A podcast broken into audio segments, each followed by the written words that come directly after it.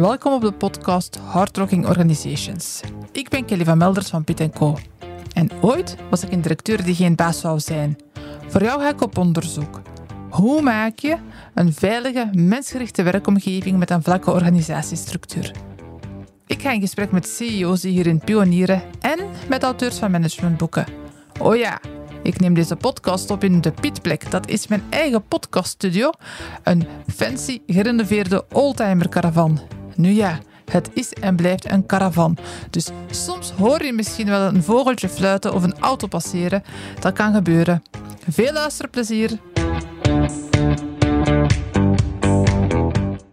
Welkom op de podcast Hardrocking Organizations. Vandaag is Jim Lippens bij mij te gast en is speciaal uh, naar Werchter gekomen voor een fijn gesprek te doen.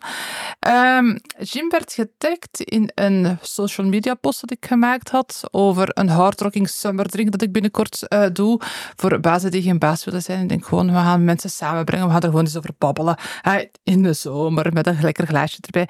En dat hij die grols was die Jim had getagd. Dus ik dacht, ah, oh, tof dat die Jim tagt want uh, ik was vorig jaar op het Happiness at Work congres in Antwerpen en daar is de wereld voor mij open gegaan, echt waar. Ik, uh, ik was een beetje van mijn melk, niet alleen door het programma, ook door de gasten, door de bezoekers, de setting. Het voelde voor mij echt als thuiskomen, zo dat duwtje in de rug dat ik nodig had om terug zelfvertrouwen te krijgen in, in mijn visie op leiderschap en organisatieontwikkeling.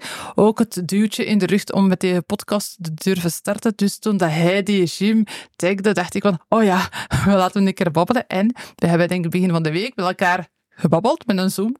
En vandaag zit hij in de caravan. Welkom Jim, ja, dankjewel om naar Werchter te komen. Ja, graag, graag gedaan. Ik, eh, ik zag dat... Uh de um, aankondigingen van het festival van vorige week nog altijd niet weggenomen zijn. Dus ik, ik wist dat ik in de juiste gemeente zat. Ah, voilà, ja, ja, ja, inderdaad. Ben je al eerder in Werchter geweest? Uh, ja, ja, ik ben. Uh, het is nu lang geleden dat ja? ik nog eens een event uh, meegemaakt heb, maar in, denk in 80 was mijn eerste event. is waar? Ja. En, en was zo een memorabele herinnering aan Rockwerchter? Ja, toen, toen was U2, Simple Minds, The Cure, denk ik. Wat een affiche. ja. Ja. Ja, en denk 80, ja. Ja, ja, ondertussen is het uh, best groot geworden. Um, ja, ik werk daar als festivalvrijwilliger en dat zijn voor mij echt heel mindful dagen. Ik loop dan echt met een prikkerke rond voor de rechterkant van de mainstage. Dus iedereen dat ooit naar rechter komt, komt me daar zoeken. En ik loop daar dus rond met een prikkerke en ik ben vuil aan het oprapen. Zakken, zakken haal ik daaraf. Dat is zeer mindful. Ik ga van blikje naar uh, pakje friet en zo, bekertjes. En ja, zo, ja, ik vind dat super tof. Um, nu, we gaan het niet over rockwerchter hebben hier. Um, toen dat, uh, we met elkaar spraken en vooral ook toen dat jij de afspraak boekte, vroeg ik wat is een hardrocking organization voor jou? En wat jij toen antwoordde, zat er voor mij boek op. Jij schreef, uh, een hardrocking organization is een plaats waar iedereen zichzelf kan zijn en waar de leiding energie krijgt om medewerkers de beste versie van zichzelf te zien overstijgen. Hoe mooi is dat? Ja. Wat maakt dat je dat zo schrijft? Ja, moest je dat nu vragen, zou ik weet ik niet meer wat ik op dat moment uh, intuïtief uh, ja, uh, neergeschreven ja. heb. Maar dat is, dat is wat mij als leidinggevende altijd um, het meest energie gaf. Was eigenlijk ja. om mensen te zien groeien. Om mensen te, wat ze dan zeggen, te doen ja, ontwikkelen tot een, de beste versie van zichzelf. Maar er is nooit geen limiet. Dus dat is ook iets dat ik geleerd heb. Er is geen bovengrens. Dus nee. vandaar het, de keuze voor uh, overstijgen. Ja. Um, er is nooit geen, uh, geen einde. Ja, dat is waar. Je hebt zelf vele jaren gewerkt als Continuous Improvement Manager. En dan heb je later dan ook een, een afdeling. En je zei daar zelf van, die quasi in verregaande staat van ontbinding was. Als plantmanager omgeturnd tot een succesvol verhaal. Hoe heb je dat eigenlijk klaargespeeld? Oh, dat is een, een, een lang verhaal en dat is een, een verhaal van, um, van vooral willen en de, de, energie er willen uh, insteken. En dat is eigenlijk al iets waar de meeste leidinggevenden dan uh, afhaken. Ja. Bij mij was dat verhaal um, gekoppeld aan een, als ik terugblik aan een persoonlijk trauma. Ja. Waardoor dat ik er echt uh, ja, diep voor in mezelf en in mijn reserves uh, wou gaan. Om, mm -hmm. ja, om, om eigenlijk te helpen dat mensen het in hetzelfde verhaal zouden, zouden belanden. Dus ik heb ja, vier jaar, um, 16 uur per dag ja. daarmee bezig geweest om ja, in dat geval ja 100, meer dan 100 mensen een baan te trachten uh, ja. uh, te redden. Ja. Um, maar ja, welke, welke manager wil dat doen om, uh, om boven, boven de uren die voorzien zijn in zijn salarispakket, Ja. om dat gratis te doen, om uiteindelijk het resultaat te bekomen? Ik denk dat inderdaad dat als je zo persoonlijk wordt getriggerd in iets, Hm. um, en, en als dat dan raakt aan je persoonlijke missie, dan, dan zijn je tot veel Hm. meer in staat dan, uh, dan dat je initieel zou voor mogelijk houden. Ik heb dat zelf ook gehad hè, in die directeursperiode. Dat was uh, voor mij de, de, de, de trigger zat eigenlijk in kansarmoedebestrijding, kinderarmoedebestrijding. Dat had echt te maken met het feit dat er in mijn heel nabije omgeving iemand um, in die situatie zat. En ik, ik toen ook dacht van, ja, dit kan en dit mag niet gebeuren. En dan heb ik ook jaren heel hard gewerkt. Uh, maar een groot verschil is, ik heb het niet tot een succesvol einde gebracht, omdat ik daar in die periode, in die zes jaar dan zelf de diepere in ben gegaan. Maar jij hebt dat wel echt succesvol kunnen omturnen. Ja. Uh, en, en ja, ik ben wel benieuwd van, wat zijn zo wat de, de sleutelzaken dat dat daar dan in gewerkt hebben? Ja, eerst en vooral, um, ja, ik ben ingenieur van opleiding. Ja. Uh, ik had eigenlijk geen ervaring in leidinggeven. Mm -hmm. Ik ging van uh, dag één eigenlijk van één medewerker naar 108. Ja. Dus dat was al eigenlijk al, dat was al de nodige moed of, Mhm. mm -hmm. of uh, durf voor, uh, voor nodig. Um, en op dag één werd voor mij eigenlijk al, al snel duidelijk dat um, alles draait om mensen. Ja. En het, eh, het rationele en, en uh, de kennis die ik dan opgedaan had als uh, continu verbetermanager, dat zat in mijn, in mijn, achter, in mijn achterzak. Ja. Met, alles begint eigenlijk met, met vertrouwen. Ja. En op het moment dat dat vertrouwen er niet is, dan ja, moet je trachten dat vertrouwen uh, ja, te gaan winnen. In het geval uh, dat ik, of in de periode dat ik plantmanager was, uh, was er ook nog eens een tijdsdruk, want ze wilden eigenlijk die, ja, die afdeling, afdeling sluiten binnen, Ja. de, binnen de drie maanden. Um, afhankelijk dan van in hoeverre dat, dat vertrouwen van die mensen al gekraakt is door voorgangers, Mm -hmm. ja, um, is de eerste stap die je eigenlijk moet zetten, is, is dat vertrouwen te winnen. Ja. En ja, op de een of andere manier ben ik erin geslaagd om, om dat vertrouwen dan uh, te winnen. Ja. Dat is stap 1. Ja.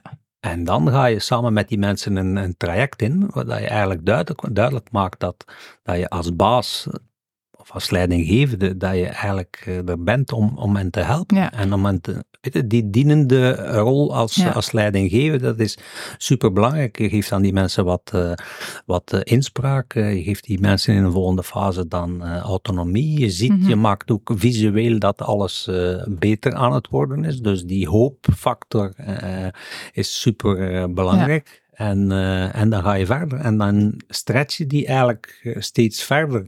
Ja. En vaak, vaak zie je dat op het moment dat dat vertrouwen geschonden is, dat die mensen ook vaak een, een, uh, een persoonlijke knik gekregen hebben. In een, uh, dat die zelf zoiets hebben van, ja, dat die het geloof in zichzelf ook voor een stuk uh, kwijt, uh, kwijtgespeeld zijn.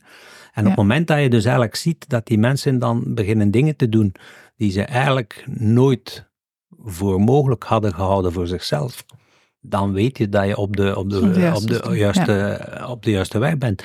En dat is eigenlijk voor die mensen ook zodanig een uitdaging of zelf, ik zal het misschien verslaving noemen, om steeds beter te worden en, en steeds meer dat potentieel van zichzelf te zien. Mhm. De kans te krijgen om dat potentieel van zichzelf uh, naar buiten te brengen. Op Mhm. het moment dat je die kans geeft aan die, die omgeving schept voor die, mede, voor die medewerkers, om dat eigenlijk te realiseren, dat die mensen boven zichzelf kunnen uitgroeien. Ja.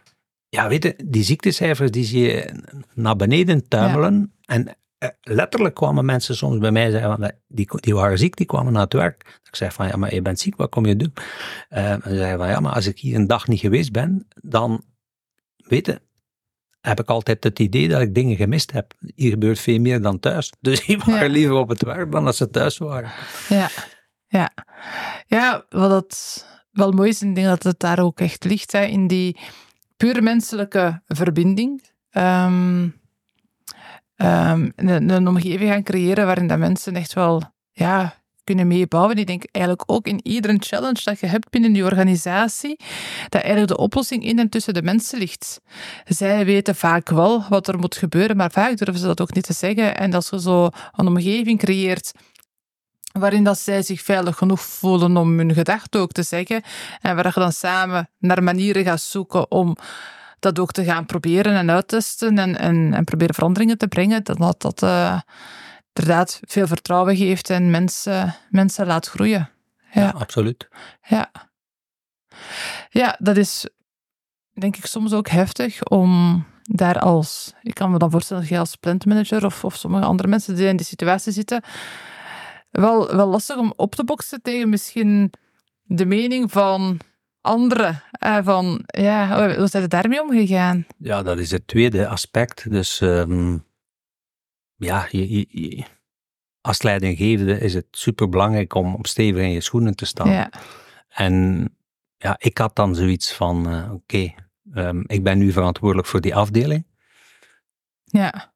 Um, reken mij maar af op het, uh, op het resultaat. Maar ja. ik zorgde als een soort uh, ja, paraplu tussen, tussen het topmanagement en, en mijn afdeling. Zorgde ik voor een paraplu waar ik eigenlijk zei van ja oké, okay, laat mij me doen. Als, als er te schieten valt, dan schiet je maar op mij. Maar laat, laat die mensen, laat die gerust. En, weet ja, maar ja, die had wel een moeilijke allee, posities er zo wat tussen staan.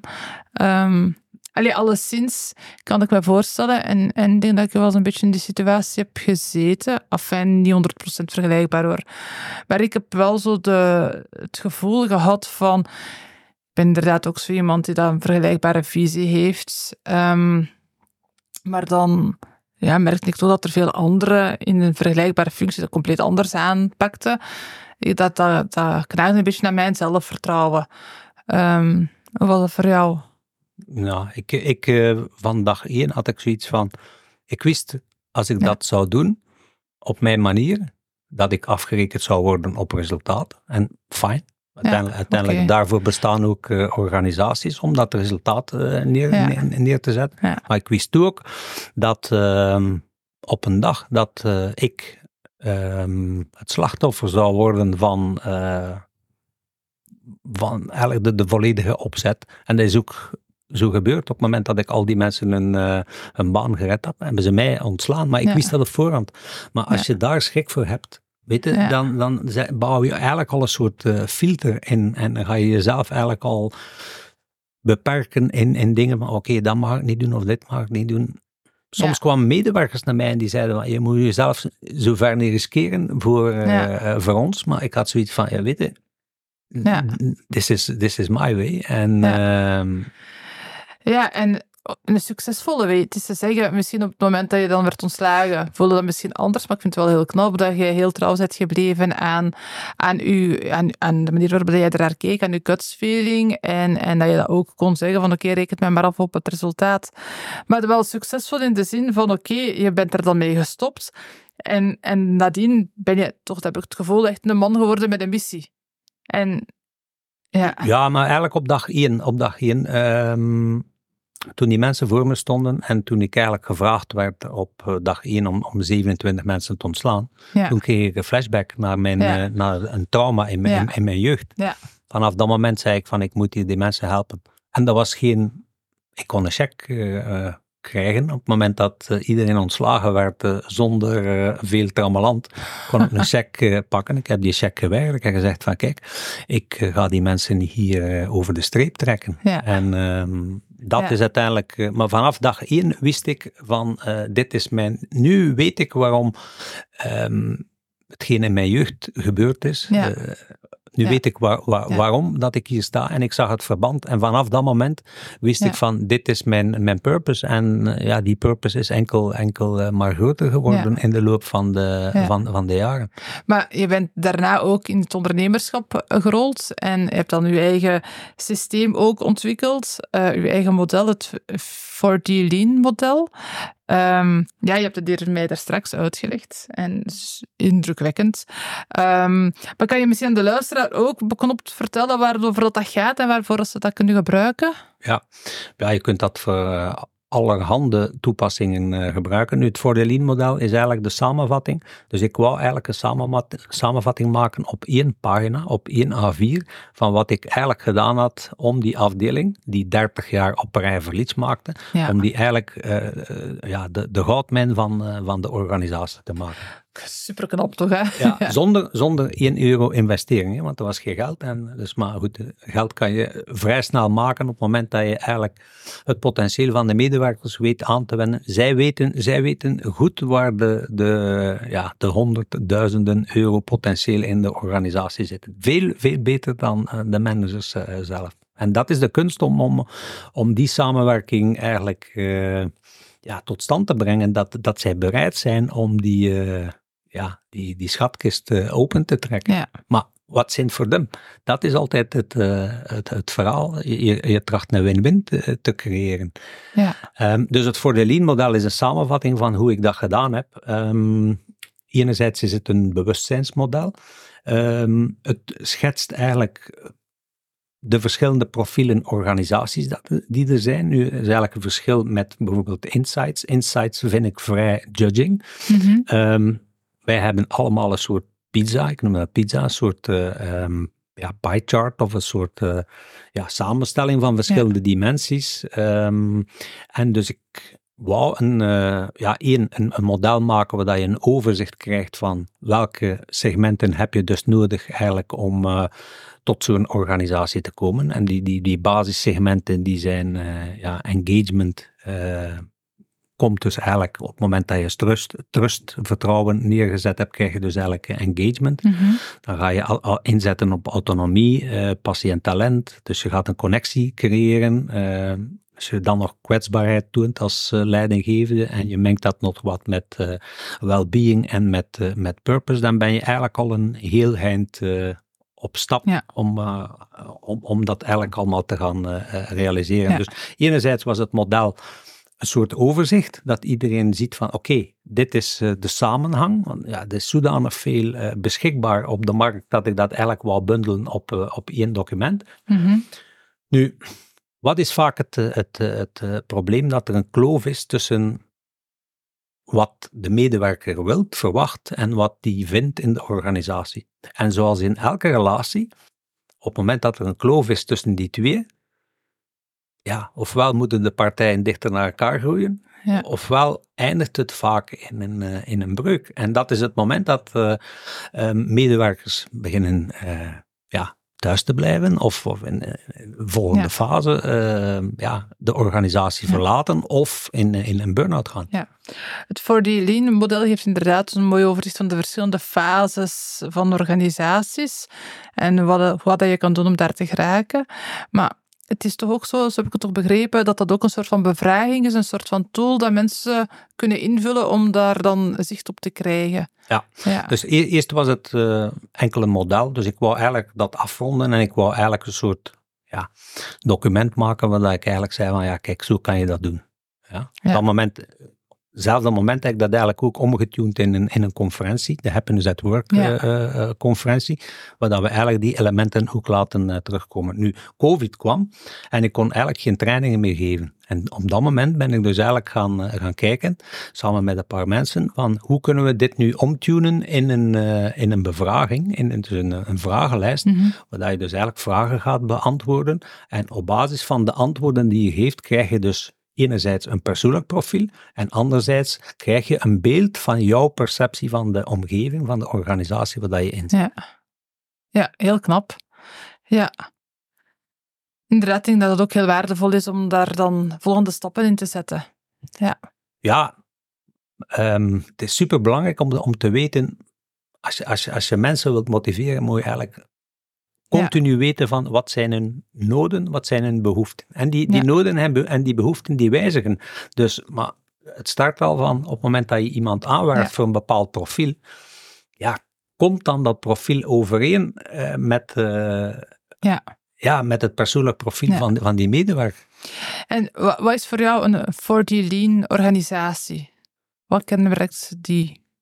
Voor mij een, een 4D Lean organisatie is eigenlijk een uh, organisatie die op het model dan uh, zowel 2D, 3D, 3D plus als 4D elementen in zich heeft. Mm -hmm. Dus die zowel gaat uh, zorgen voor een stabiele basis, kwaliteit, veiligheid, respect, um, vertrouwen, engagement, dat is het 2D-gedeelte, die dan gaat inzetten op autonomie, patiënttalent, um, volgende fase connectie, kwetsbaarheid en een volgende fase mm -hmm. um, uh, purpose, well-being. Ja.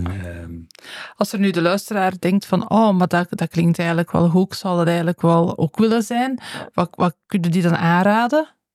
Ja, zij kunnen, zij kunnen sowieso een, een uh, op mijn website gaan kijken om uh, voor om uh, ja, al inzicht te krijgen in het model. Dat ja. is in. Zij kunnen een gratis scan doen om te zien van wat is een persoonlijk profiel. Ja. Um, ja, dat is, dat is de eerste stap eigenlijk. Inzicht krijgen, awareness krijgen ja. in wie ben ik, waar zit ik en matcht dit. Ja, ja. Ja, heel, heel, heel fijn dat het een aanrader is om dat eens te doen. Zeg, Jimmy, je bent ook de, de persoon achter het Happiness at Work conferentie.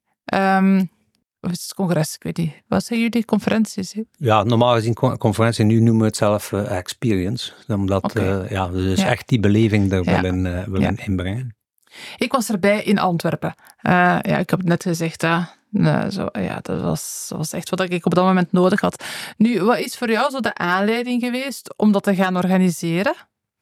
Wel, toen ik um, in 2017, 17, 18, zoiets, uh, de situatie in die uh, afdeling aan het afronden was, ja. dan had ik zoiets van, ja kijk, ik uh, wil dat hier naar buiten brengen. Ik wil eigenlijk ehm, dat mensen zien, dat vooral leidinggevenden, dat HR-managers, dat die zien dat er een veel betere, veel goedkopere, veel productievere, veel zachtere, whatever, uh, manier is om met uh, mensen om te gaan. Dus het, het, het makkelijkste is altijd gewoon zijn, we trekken de stekker uit en wij gooien al de mensen uh, de straat op. Um, ik heb eigenlijk uh, aangetoond dat op het moment dat je zelfs in mensen die in een afdeling zitten die verlieslatend is, als je daar echt gaat in investeren in het potentieel van die mensen, dat je dat dus kunt omtunen, die afdeling, tot ja, een, een, een een, een, een, voorbeeld voor, voor, de, voor de organisatie. Ja. En dat was eigenlijk mijn bedoeling van uh, um, het eerste Happiness at Work uh, event in 2018. Was eigenlijk om uh, dat mee te geven aan de buitenwereld. Van jongens, ga niet in dat um, uitknijpverhaal uh, om, om de mensen meer en meer en meer en meer te laten doen. Nee, tracht een andere manier te vinden die eigenlijk veel meer aansluit bij de behoeften van die, van die mensen. Dus in 2018 hebben wij dat een eerste keer georganiseerd. Ik, ik geef ook trainingen in uh, hoe je doelen kunt uh, realiseren. Ja, ja daar dus, wil ik het ook nog over hebben zelfs. En in 2018 um, wou ik nu voor mezelf toch eens kijken van ja, hoeveel doelen kan ik nu zelf realiseren ja. in één jaar tijd.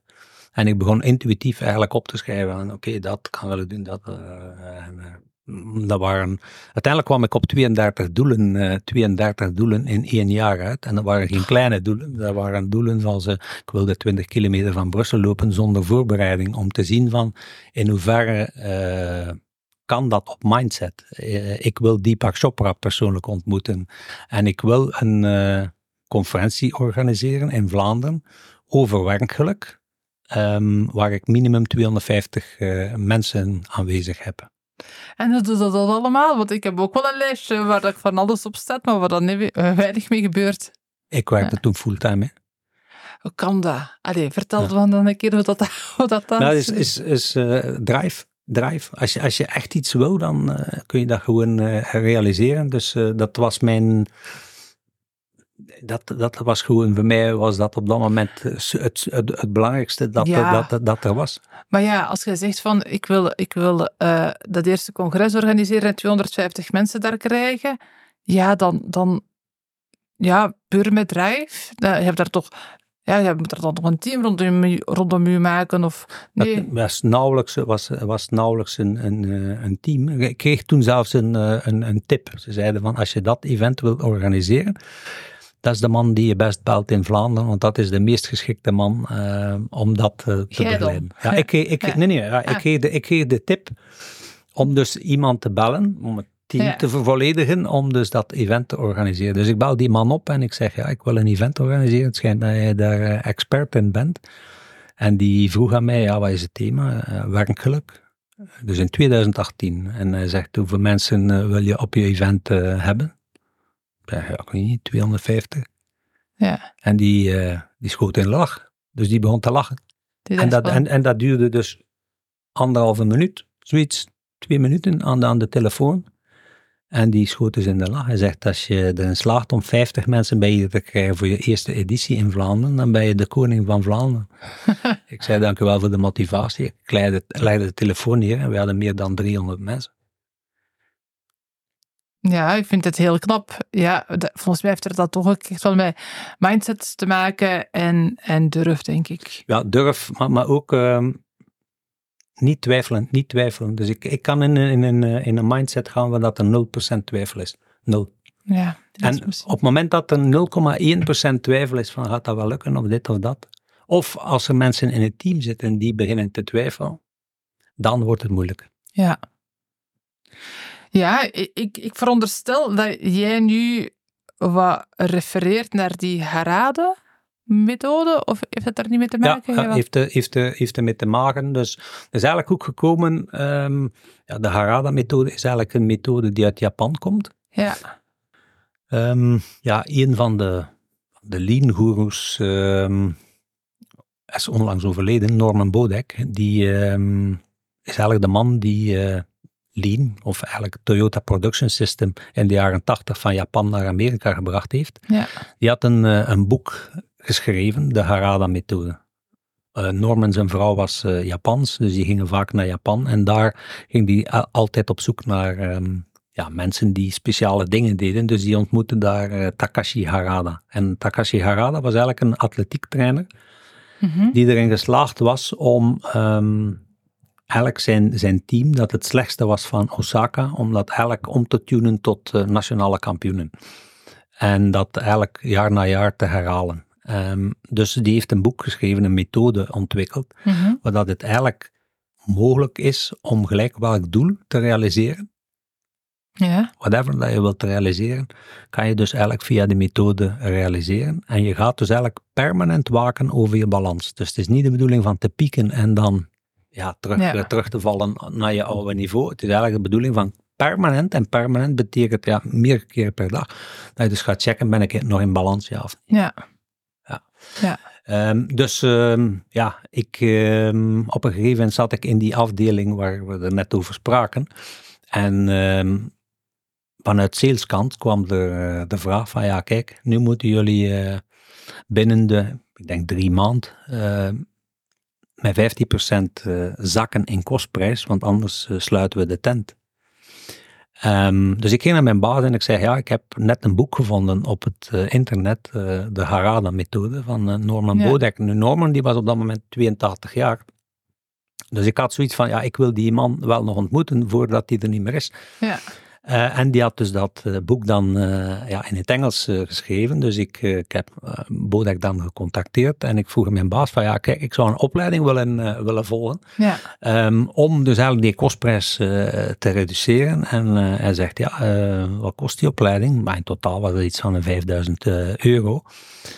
Um, ik werkte toen in een organisatie met 380 mensen. Die zegt ja, 5000 euro. Hij zegt dat is het opleidingsbudget van Hans de organisatie.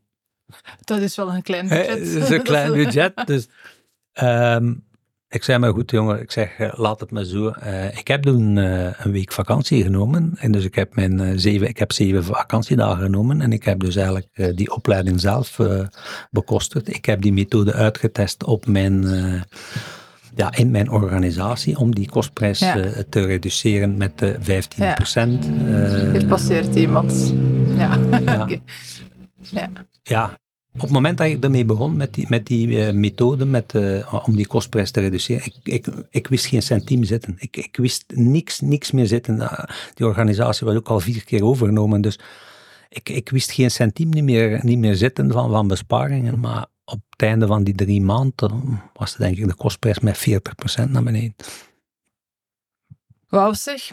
Ja, ik kende die niet. Dus Ja. zodat jij dat begin van de week zei, dat oh ja, oh, Ja. wat is dat Ja. precies? Nu, die methode, die methode is er eigenlijk op gericht om mensen te ontwikkelen tot hun volle potentieel. En op het moment dat je dus die methode begint eigen te maken, wordt dat een mindset. En dat is eigenlijk een mindset, niks is onmogelijk. Dus je kent geen plafond meer. Ja. Ja. ja, ik wil me er ook wel eens een beetje in verdiepen. Ja, ik, ik ben heel hard bezig rond mindset. Ehm, maar toch denk ik dat er nog veel potentieel is. Ja, want ja, ik vind het heel knap dat jij twee, en- eigenlijk, je hebt gezegd, je bent, twee, je bent in 2017 gestopt, daar als plantmanager. Nu zijn we maar vijf, zes jaar verder. En wat je allemaal al gedaan hebt op die paar jaar, dat is indrukwekkend. Ja. Ja, ik heb daar nog twee jaar voor een andere organisatie gewerkt. Ah ja, het is Eh, eigenlijk is maar vier jaar. eh, dus ik, eh, tot denk ik 2019, dan kwam COVID en Ja. dan, ja, dus Ja, ja. Maar doe je dat vooral alleen of, of co-creëer je vaak ook? het liefst, het liefst eh, co-creëer ik. Ja, Dus ja, ik heb eigenlijk twee organisaties. Dus enerzijds is gebaseerd op dat model en, en dan het scannen van organisaties en eh, ja, mensen eigenlijk inzicht te geven van eh, op het moment dat ik iemand nieuw wil aanwerven van oké, welk profiel hebben we nu nodig? Eh, Ja. welk profielen, welke profielen zitten er in ons team? Dat is eh, enerzijds op basis van de scan, maar anderzijds hebben we dus met Happiness at Work Ehm, ja, dat is dan één van de pilaren, maar we zijn ook een academie aan het bouwen. We hebben producten op de markt gebracht die eigenlijk die stap ehm, richting ja, bewustzijn in verschillende, verschillende dimensies, Ja. om die te veraan, eh, vereenvoudigen. Dus wij zoeken eigenlijk permanent naar mensen die willen, willen instappen. Nu, ja, op het moment dat je eigenlijk met verschillende pilaren bezig bent, is het moeilijk om in te schatten hoe, in hoeverre gaan die pilaren eigenlijk allemaal tegelijk groeien. Of ja, je kunt Ja. die ook niet allemaal dezelfde Nee. eh, focus eh, geven. nee. Ehm, dus, maar we zijn nu ons team aan het, eh, aan het uitbreiden Ja. met, met mensen en ja, het co-creëren en, en vooral die autonomie, weet je, als, als, Ja. als verantwoordelijke of als de man dan met, met de visie of de, of de, of de missie, Ja. is het echt super, ja, hoe moet ik het zeggen, eh, geruststellend. Het is, is niet het juiste woord, maar, maar ook motiverend. En, en als je ziet dat echt mensen eh, autonomie gaan nemen en, en zelf eh, dingen Dingen gaan doen, doen, zonder ja. dat je het eigenlijk allemaal moet Ja. gaan, gaan zeggen, van, kan je dat? Dus meer, meer dan enkel uitvoeren, dat, Ja. dat is eigenlijk... Ja. Maar wat ik er dan toch ook wel uit leer, denk ik, is toch ook wel van... En dat jij je ideeën gewoon ook vertelt en Mhm. daar dan met mensen aan de slag mee gaat. Ik denk dat dat een les is voor mij. Ik denk dat ik veel gewoon met mezelf hou. Ehm, dus denk dat ik ook gewoon meer, mag babbelen over hetgene wat ik van plan ben. Eh, Jim, daarnet, we hebben eigenlijk al een, deftig voorgesprek gehad, eh, maar daar heb je ook iets interessants gezegd, dat ik dacht van, ah ja, dat is echt wel interessant om in de podcast even zo dieper op in te gaan. Ik had je gevraagd van, ehm, wat kan je als, als leidinggevende of als directeur CEO doen om je eh, bedrijf te laten groeien in richting van die 4D Lean? En ehm, een van de aspecten dat jij daar toen aanhaalde was van ken je mensen. Mhm. Wil je daar eens wat meer over vertellen, zodat de luisteraar daar ook in mee is?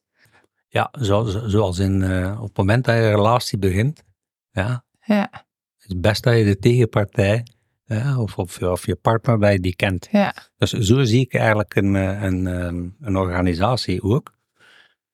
Eigenlijk voor mij, de leidinggevende, is dus eigenlijk degene die de groei van al die individuen gaat stimuleren. mhm, Nu, op het moment dat je die mensen wilt gaan stimuleren ehm, om te groeien, niet iedereen wil dat. Dat is al het eerste. Ja. Dus de vraag is dan van, oké, de mensen die niet willen groeien, ga je daar blijven energie in stoppen of je laat je die gewoon in de, in de, ja, weet je, in, in, in de modus dat ze gewoon zijn van, van, van te werken. Dus dat is Ja. eh, één ding. Dus, maar het is super belangrijk om te weten van, wat zijn nu de profielen van die mensen? Wat willen zij zelf? Ja. En dat is wat ik zie, is, is de grootste drive voor mensen om uh, mee te stappen in het verhaal. Ja. What's, what's, what's in for me, what's in for the team, what's ja. in for society. Dus die, die, die dingen. Uh, op het moment dat je dus weet van wat dat die persoonlijke noden zijn van uh, elk van je medewerkers en je weet de taal te spreken. Dat is ook niet altijd evident ja, dat je de taal van alle verschillende dimensies kan, kan, kan spreken. Um, op het moment dat je dat doet, je kent de mensen, je kunt de taal spreken en je bent bereid om ze te helpen om stappen te maken, ook in een persoonlijk proces, dan, ja. dan, dan heb je ze mee. Maar hoe kom je dat te weten? Want er zijn veel uh, bedrijven, denk ik, die dat. Um, ja, waar dat er niet echt een cultuur is van mensen echt te kennen. Wat bedoel ik daarmee? Ik weet wel dat er verschillende systemen zijn om profielen van mensen te kennen. Je hebt MBTI, je hebt Insights, je hebt van alles en nog wat. Um, maar ik ken ook veel organisaties waar dat, dat niet wordt gebruikt. Um, en dat er misschien een. Allee, iedereen doet gewoon zijn ding. Ze werken bij functieomschrijvingen. Uh, als je dat zo. Dat zal misschien ergens in de 1 of 2D-organisatie. Maar zo zijn ze wel eigenlijk. En dan doen ze misschien, als je geluk hebt, een keer functioneringsgesprekken, evaluatiegesprekken. Maar daarmee ga je toch niet die diepere lagen van mensen gaan kennen. Dus wat kunnen ja, bedrijfsleiders of leidinggevenden gaan doen om dat wel te weten te komen?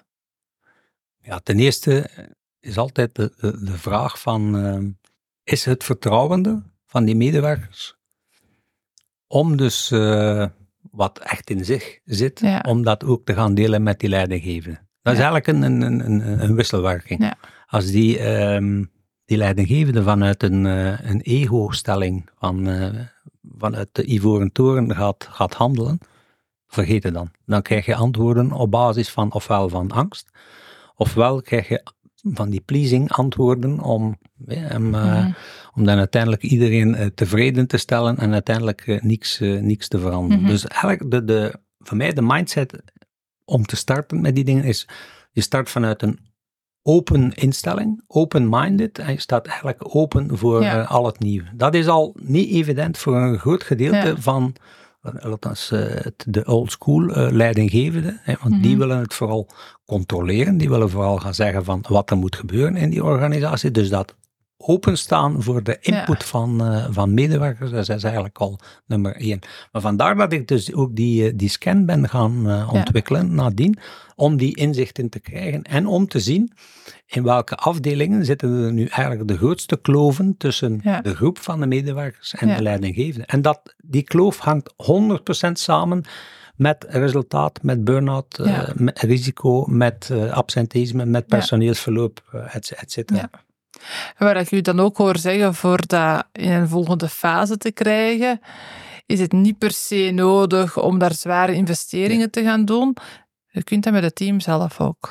Ja, absoluut. Dus wat ik, wat ik zeg, ja. um, de afdeling waar ik het in gedaan heb, mm -hmm. 0 euro investering. Ja. Dat vind ik wel een knappe, want de eerste herstructurering dat ik deed, en dat, dan moesten ook honderden duizenden euro's bespaard worden. En het advies dat ik dan kreeg als zo een nieuweling, hè, want ik was ook echt... Ik kwam van... Ik was lang kwaliteitscoördinator en dan op een gegeven moment hè, kreeg ik dan die functie. Dus dat was het advies van zo'n externe, want er is maar één manier om snel veel geld te besparen. En dat is ontslag van medewerkers. Dus ja, we hebben dat dan toen gedaan. Um, met de manier waarop dat werd aangepakt was, denk ik wel menselijk, maar toch is dat heel hard. Um, ja, dan spijtig soms zo dat we elkaar zo geen tien jaar eerder of zo hebben ontmoet.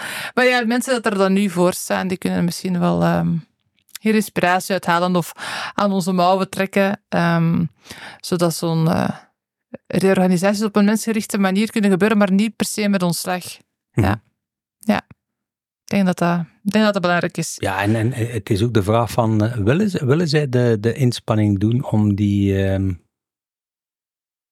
ja, die resultaten op, op iets langere termijn te, te, te bekomen. Want uiteindelijk is het altijd, het moet snel gebeuren en uh, het moet direct resultaat, resultaat opleveren. En wat gebeurt er dan? Die, die uh, ontslagpremies, dat, dat kost toch, als, als ik dat zie, wat dat, wat dat kostte, die on, on, ontslagpremies, dan denk ik van, met dat geld, had ik dat geld van die ontslagpremies kunnen omzetten in investeringen, maar ja, dat, weet je, ja, dat is vaak een eenmalige investering voor dan een recurrent. Ja. En, en, en, ja, maar dat wordt dan op een ander business uh, of op een ander kostencentrum gezet en dat, uh, dat wordt dan uh, aangevoeld als... Enfin, ik ben er ook geen fan van, ik heb het helaas vaak moeten doen. Um, Oké. Okay. Um, maar ik, ik denk ook wel, die herade-methode, ik denk dat dat ook echt wel belangrijk is voor eens onderzoeken. Ik denk dat er dus een combinatie zit van en op een co-creatieve manier gaan werken, maar ook een heel resultaatsgerichte manier te gaan werken. Um, ja, ik denk dat daar zo wat de clue in zit. Dat is toch wat ik eruit onthoud. Ja, en, en je kunt op, op organisatieniveau, dus ik ben nu in Brussel met een organisatie bezig, die uh, hebben dus eigenlijk de Harada-methode gebruikt om een... Uh, eigenlijk een doel stellen voor uh, volgend jaar te gaan definiëren. Dus die hebben acht gebieden uh, gedefinieerd, mhm. die eigenlijk ja, de, de, kern zijn van wat zij willen gaan uh, neerzetten. En op die manier kun je dus ook echt mensen gaan aantrekken voor elk gebied, om dus die co-creaties te gaan doen in elk gebied. En een, een gebied kan zijn um, well-being. Een ander gebied kan zijn um, um, diversiteit. Een ander gebied kan zijn ja, meer uh, sales gaan doen. Dus je hebt daar verschillende gebieden. Dus, en het is altijd die combinatie van, is je volledig spectrum uh, afgedekt? Kan je het resultaat permanent eigenlijk tonen? Kan je dus eigenlijk die financiële stabiliteit van de organisatie ook met die dingen gaan uh, garanderen? En dan bouw je dus eigenlijk mee aan de toekomst. Dus mijn idee is altijd van, ja, als, als leidinggevende eh, ben ik eigenlijk altijd gewoon geweest van elke maand moest, moesten de euro's er liggen. Weet, op het moment dat de euro's er liggen, wordt het een moeilijk verhaal. Dat is, dat is één. Maar je moet altijd iets in, in, de, weet je, in de achterzak uh, houden, waar je testen mee doet. En, en, dus dat moet ergens gegenereerd worden. Ja. Dus dat is continuous improvement. Ja, dus eigenlijk het, het korte termijn is eigenlijk maandelijks zorgen dat, uh, ja, dat, dat gewoon de, de, de financiën uh, kloppen en dat, ja. dat er ook een, een groei in zit. Maar het andere traject, het, het langere termijn traject, is uh, minimum zo belangrijk. Ik, ik, ik was leidinggevende in een, in een afdeling die 365 dagen uh, per jaar produceerde. Dat was een productieafdeling. Die stond, de mensen stonden aan een productielijn. Die lijn die draaide 24 op 24, 365 dagen. Ik zei tegen die mensen, ik zei, kijk, ik wil dat je minimum 30% van je tijd weg bent van die productielijn. Ja. Op het moment dat je dat vraagt aan iemand in, uh, in een office job, zei die dat het niet kan daar, die, die operatoren die stonden aan die lijn, die moesten dus eigenlijk permanent alles in de gaten houden. Ik zei minimum 30% wil ik dat je weg bent van de lijn. En hoe doen ze dat dan? Ja, door na te denken van hoe kunnen we eigenlijk zorgen dat dat proces vanzelf uh, gaat lopen. Hoe kunnen we eigenlijk de root cause, alle problemen gaan uh, weghalen. En welke jobs zijn er interessanter dan constant op die productielijn te gaan. Ja. Uh, te gaan. Nu, ja. Op het einde stond er niemand meer aan die lijnen, dus waren ze bezig met de dingen die veel meer geld opleverden dan aan die productielijn eh, te staan. Ja, het zijn de goede vragen stellen en de goede zaken doen. Ik denk dat wij uren zouden kunnen babbelen. Ik, uh, iedere podcast die sluit ik af met drie dezelfde vragen. Dus ik ga die ook alle drie aan jou stellen. Ja. Um, welke tip zou jij aan de luisteraar willen geven die een hardrocking organization wilt maken? Geloof in het potentieel van je mensen. Ja. ja. Dat, dat, dat is de, de essentie. Ja. ja. ja. Het is een mooie, ja. Ja. Ik denk dat dat, ja, dat, dat klopt. Um, ja. En ik denk dat er dat soms ook, zeker als het wat een lastige periode is in het bedrijf, dan, dan kan daar zo wel wat frustratie misschien over bestaan. En toch ligt de clue daar eigenlijk. Mooi. Um, Groei door connectie is eigenlijk de baseline van mijn bedrijf. En mijn bedrijf heet Piet Co. Dus um, je hebt eigenlijk al heel veel zaken gegeven aan, aan de luisteraar, ook aan mij, van, van, van inspiratie. Um, maar groei door connectie werkt ook in de andere richting. Dus ik stel ook altijd de vraag van, Is er iets of iemand die u misschien vandaag zelf zou kunnen helpen in uw eigen traject, in uw eigen journey? Ja, absoluut. Ja. Ehm, ja, wij zijn eigenlijk op zoek naar mensen, ehm, niet enkel in Vlaanderen, maar eigenlijk wereldwijd, die meehelpen om het traject dat we eigenlijk in gedachten hebben. Dus mijn, mijn missie is eigenlijk, ik wil 10 miljoen mensen op weg helpen Ja. naar geluk, balans en succes. Ja. En vermits dat eh, werkelijk een deelgebied is van geluk en dat voor mij iets moeilijker is nog dan persoonlijk geluk, eh, geluk te realiseren, ligt dus eh, een stuk van de, van de focus op, eh, op Ja. werkgeluk. Dus op het moment Ja. dat er mensen zijn die zeggen van ja, weet je, dat interesseert mij om daar deel uit te Mhm. maken, ja, wij zijn altijd op zoek naar mensen die Ja. ons in het team willen komen Ja. helpen. Dat is echt wat we nu het meest naar op zoek zijn. Ja. Zelf naar mensen die eh, purpose-driven willen deel uitmaken van wat dat we aan het neerzetten zijn. We zullen daar zelfs nog eens verder over babbelen. ik steek mijn hand al op. Ja. Ja. Maar ja, misschien zijn er nog andere mensen. En eh alleszins, ik denk u overal in, dus mensen kunnen u ook bereiken. Ehm, en dan mijn laatste vraag, Jim. Is, je, je hoort over wat ik waar dat ik mee bezig ben en die hardrocking change, die hardrocking organizations. Is er zo een, een naam van iemand dat bij u oppopt, waarvan dat jij zegt van, Kelly, die zou eigenlijk ook eens op je pad mogen komen? Ja, zeker, maar of dat, of dat ze gaat kunnen krijgen is iets anders. Ah, ja. Eh, ja. ja, nee, ik, ik, ik probeer al eh, drie jaar om eh, Brené Brown naar, zeg.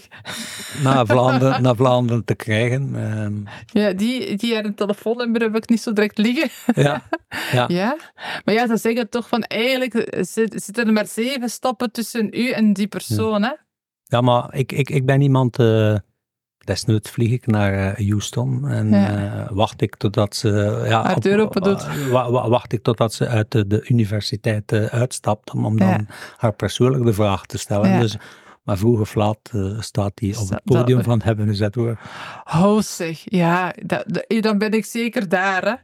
Nu, maar ik stel de vraag ook van, is er iemand dat je zo denkt die misschien ook graag hier met een caravan komt zitten? Ja, afhankelijk van, eh, afhankelijk van het thema. Ik denk in, in, in, in, al, die, eh, in al die gebieden heb je wel, eh, wel mensen, ehm, ja, in, ook in Vlaanderen, die echt trendsetter zijn. Ook mensen die, die mij in het, in het traject Ja. eigenlijk ge- geïnspireerd hebben. Mensen waar ik dan naar, naar opkijk ook. Eh, afhankelijk van... ehm, ja, weet je, op, op welke focus, welke Ja. focus dat je eigenlijk in je podcast wilt, eh, ja, wilt voor hebben. mij, de focus van de podcast is eigenlijk, ik ga hier op onderzoek. En ik onderzoek van hoe kan je een fijne, veilige, prettige werkomgeving maken, waar dat ook, ehm, ja, waar dat ook innovatief is en waar dat ook resultaten worden gerecht. En waar dat er eigenlijk een eerder vlakke structuur is, waar de bazen geen baas moeten zijn. Ja, Hoe op dat, op, op, op, op dat vlak. En denk, au- authenticiteit is ook Ja. eh, eh, belangrijk. Ja. En ehm, ja, waken, waken over het resultaat, maar, maar niet ten koste van alles. Nee. En voor mij daar, denk ik, denk ik in, in, in, in Vlaanderen, ehm, ja, Anouk, Anouk, de CEO van, eh, van Accent, Ah. is, is, is daar Anouk Laga. Ah ja, die Eh, was op het event, was hè? op, op het event ook. eh, ja, is, is denk ik toch wel iemand die daar echt authentiek eh, in zit. Die denk ik ook wel intern of, of extern de, de nodige tegenwind zal krijgen in, in haar visie. Hè, nu Mhm. bijvoorbeeld cv's, anonieme cv's, om mensen meer kansen te geven.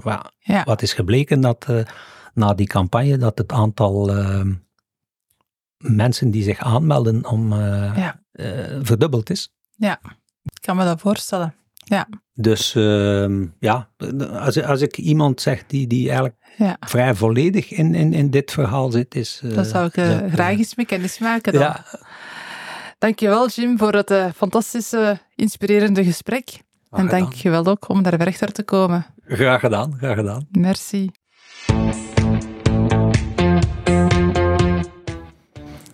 Fijn dat je luisterde naar de podcast Hard Rocking Organizations. Hoe start je daar nu concreet mee? Wel, op mijn website kan je een Hard Rocking Organizations Quickscan downloaden. Daarmee ontdek je wat je eerste stappen kunnen zijn. Mijn website is www.pitenco.be, maar ik steek ook een link in de show notes. Vond je dit een inspirerende podcast? Abonneer je dan, zo mis je geen enkele aflevering. Of deel dit met je netwerk, want hoe meer hardrocking organisations er ontstaan, hoe beter. Tot de volgende. Ciao.